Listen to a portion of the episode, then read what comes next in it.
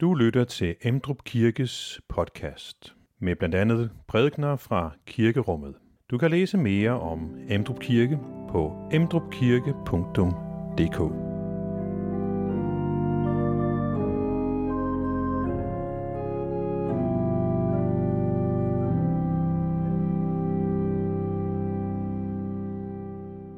Velkommen til gudstjeneste.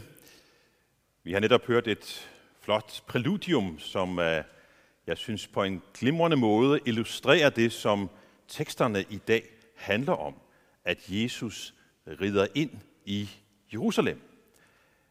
Der var masser af mennesker. Der var hyldestråb råb, Hosianna, Davids søn. Og det synes jeg klart, vi fik udtryk for her i denne øh, dejlige musik, vi hørte.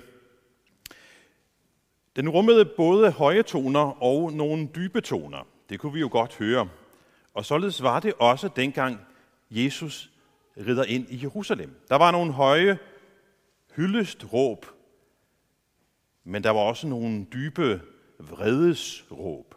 Ikke råb måske, men i hvert fald vredest tanker og visken i krogene. For nogen synes, det var fantastisk, at Jesus kom ridende ind. Andre mente det absolut modsatte. Hvem er dog han, som kommer provokerende her og tror om sig selv, at han kan lade sig hylde som konge? Der var spænding i luften den dag i Jerusalem. Og så kan man sige, det er der 2.000 år siden. Det er behagelig afstand. Nej, han kommer også ridende her i dag. Med samme spænding, samme overvejelse, tager vi imod ham, eller afviser vi ham? Spørgsmålet, vil du have Jesus Kristus som konge i dit liv?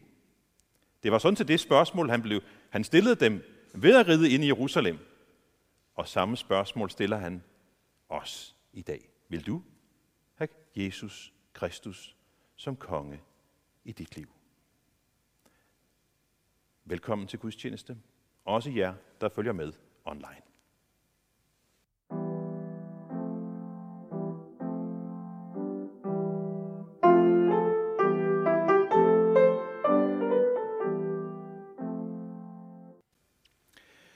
Da de nærmede sig Jerusalem og øh, kom til Betfage ved Oliebjerget, sendte Jesus to disciple afsted og sagde til dem, Gå ind i landsbyen heroverfor, og I vil straks finde et æsel, som står bundet med sit føl. Løs dem og kom med dem. Og hvis nogen spørger jer om noget, skal I svare, Herren har brug for dem, men vil straks sende dem tilbage.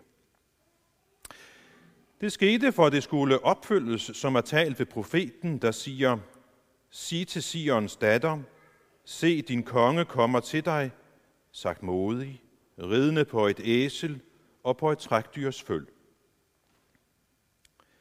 Disciplene gik hen og gjorde, som Jesus havde pålagt dem. De kom med æslet og følget og lagde deres kapper på dem, og han satte sig derpå. Den store folkeskar bredte deres kapper ud på vejen. Andre skar grene af træerne og strøede dem på vejen.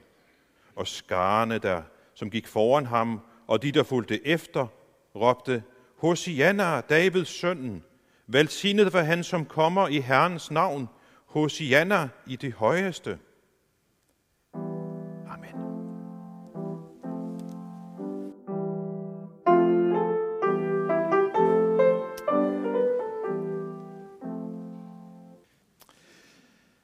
Jesus han øh, rider ind i Jerusalem. Han hyldes som en konge, og denne dag så vil folkeskaren have ham som konge, men få dage senere, så råber de samme, eller i hvert fald en del af de samme mennesker, korsfest ham. Så i løbet af nogle helt få dage, så, så skifter de fra du skal være vores konge til korsfæstam. Hvem er dig? Vil du have Jesus som konge i dit liv? Er det, du skal være konge hos mig? Eller, ej, væk med dig. Du råber måske ikke korsfast, men er der den store forskel på at sige, væk med dig, og korsfast ham? Hvilken reaktion er i dit liv på spørgsmålet, vil du have Jesus Kristus som konge i dit liv? Men det spørgsmål, det kalder jo også på en afklaring af, hvad betyder det egentlig, at have Jesus som konge i sit liv? Det skal vi se nærmere på i dag. Og øh, vi skal også overveje, om Jesus lever op til øh, de forventninger, som vi har til ham, eller om han giver os noget andet, end vi forventer. Men inden vi kommer for godt i gang med de overvejelser, så lad os prøve at forstå, hvad der egentlig sker i Jerusalem den her dag. Lad os prøve at, at forestille os den her situation, hvor Jesus han rider langsomt ind i Jerusalem på et æsel. Der er et hav af mennesker, som, som råber, som, øh, som jubler, og der er en glad og ja, den er vel nærmest euforisk, den her stemning, der er omkring Jesus. Det her, det er absolut ikke noget, der sker til dagligt. Det er som om, at øh, Jerusalem er på den anden ende. Der har været så mange rygter om ham, Jesus. Rygterne har fortalt fascinerende beretninger. Rygterne de har været farverige. Og, og dem, der har fortalt om, hvad de har oplevet sammen med Jesus, de har gjort det med entusiasme, de har gjort det med, med forundring. Og mange af de her rygter, som de har hørt, de handler om, at kronisk syge mennesker er blevet helbredt af Jesus, og, og nu går de omkring som levende beviser på, hvad han kan. Enkelte af rygterne har været meget voldsomme. Der har endda været rygter om, at mennesker, der var døde, er blevet gjort levende af Jesus. Og et af de nyeste rygter i den kategori er ham Lazarus fra, fra Betania. Tænk, han lå, og det stank virkelig fra graven. Men Jesus kaldte på ham, og så kom han ud. Og så var der også de der rygter om, at endda de onde ånder havde han magt over. Og ham, som alle disse rygter handler om, det er ham, der kommer nu. Ridende, men, men på et æsel. Det er lidt forvirrende. Han kommer der ridende ind i byen.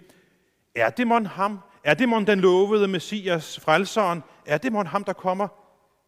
Jublen vokser og vokser i takt med, at han nærmer sig byporten. Så skaren øh, svinger med palmeblade, og, og jubelråbene de bliver mere og mere højrystede. De råber, Hosianna, Davids søn.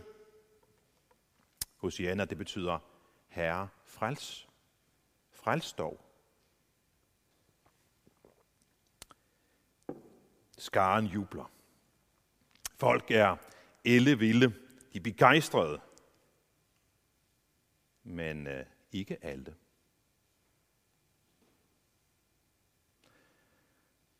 Der er nogen, som øh, fyldes af vrede i stedet for glæde. I takt med, at jublen opnår nærmest uanede øh, højder, så vokser vreden i nogens hjerter.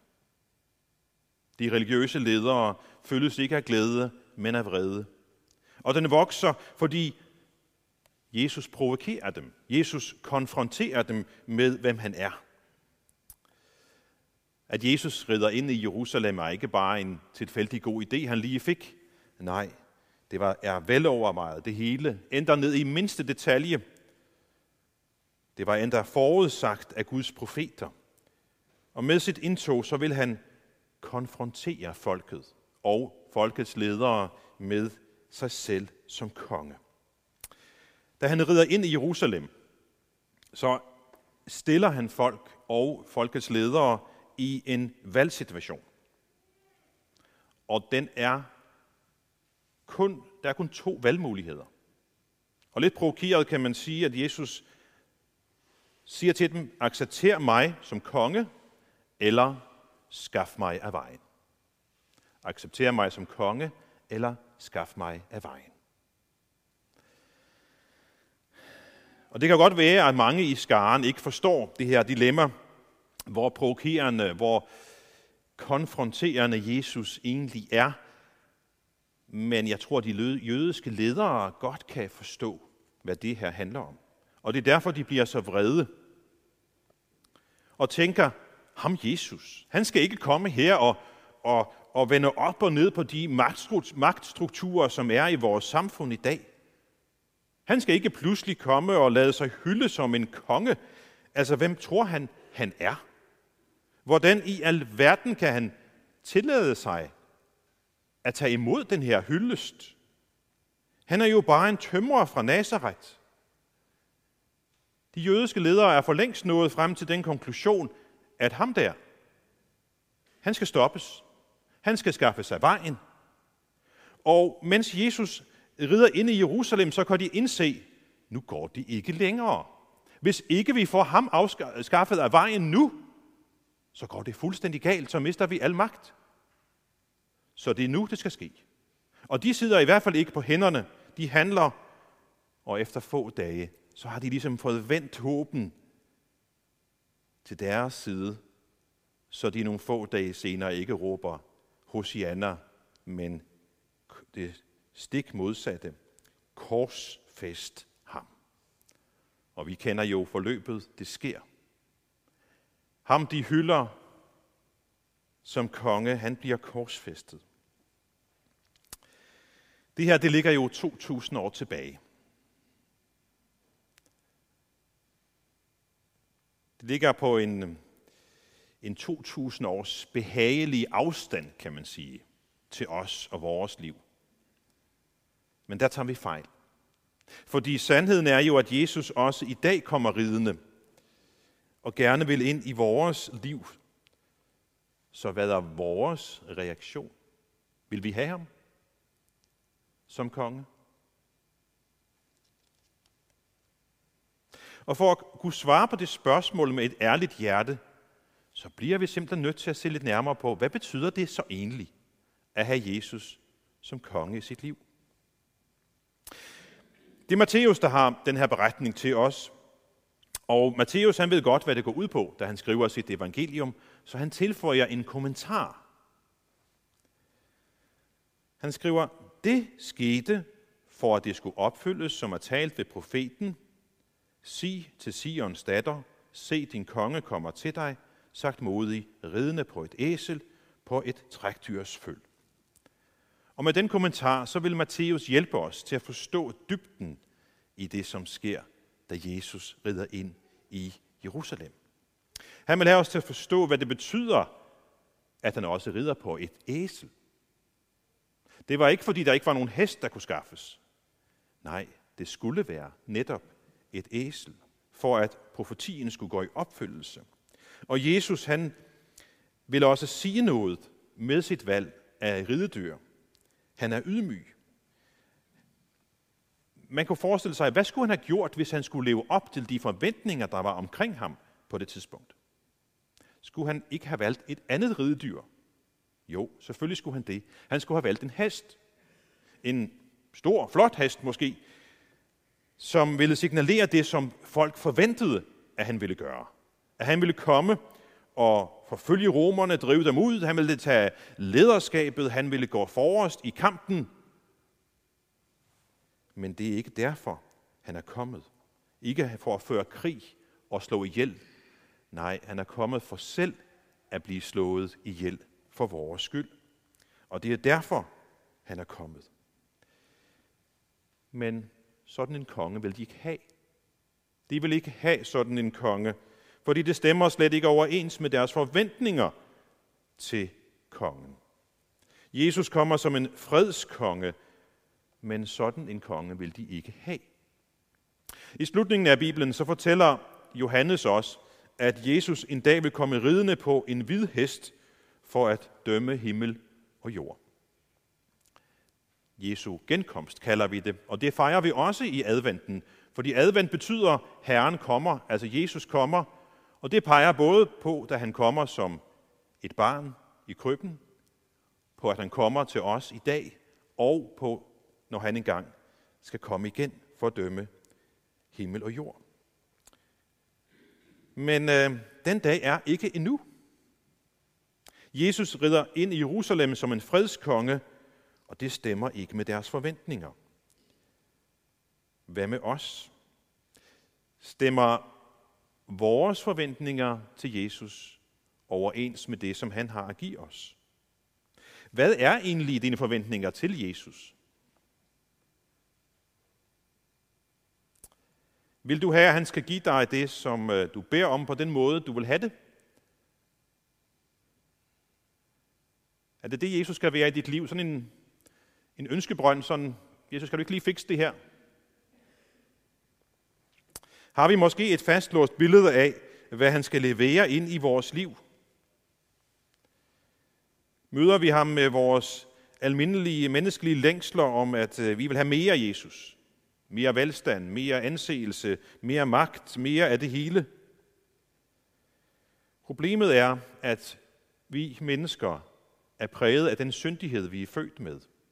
Og det ødelægger også vores forestillinger om, hvad Jesus har til os.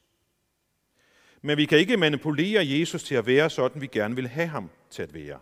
Jesus er således, som han er. Han kommer ridende ind i vores liv. Han kommer ridende både som Jesus og som Kristus. Vi kan måske sige på den her måde, kong Kristus kommer altid sammen med frelseren Jesus. Og her er vi inde ved det vigtige svar på spørgsmålet, hvad betyder det at tage imod Jesus som konge i sit liv? Jo, det betyder, at du kan ikke bede Jesus om at komme ind i dit liv som frelser, uden at kong Kristus også kommer med. Du kan ikke bede din frelser om at komme ind i dit liv, uden at han også skal være din herre. Du kan ikke råbe på den ydmyge frelser Jesus, som døde for dig, uden at det er kong Kristus, der bukker sig ned for at hjælpe dig. Du kan ikke tage imod Jesu tilgivelse i dit liv, uden at Kristus samtidig går i gang med at rense dig for din synd og helliggøre dig. Du kan ikke modtage Jesus uden at lægge din syndighed i bekendelse for ham og i bøn om tilgivelse. Det er min pointe i dag. At fredskongen hørte og indfriede skarens bøn Frels, det gjorde han. Han gav sit liv for at være deres og vores frelser. Men øh, han vil ikke nøjes med bare at være vores frelser. Han vil også være vores konge. Han er den evigt kærlige og omsorgsfulde konge. Og med ham som herre i dit liv, så får vi det sande liv, som vi egentlig er skabt til af Gud. Så min opfordring i dag er, lad Jesus være din konge. Det kommer du aldrig til at fortryde. Det giver dit liv et helt nyt indhold. Det giver dit liv det ultimative mål. Når du tager imod Jesus som konge, så er det bedste, der er sket, sket for dig. Og med det synes jeg, at vi skal rejse os og med apostlene tilønske hver andre, hvor Herres Jesu Kristi nåde, Guds kærlighed og Helligåndens fællesskab være med os alle. Amen.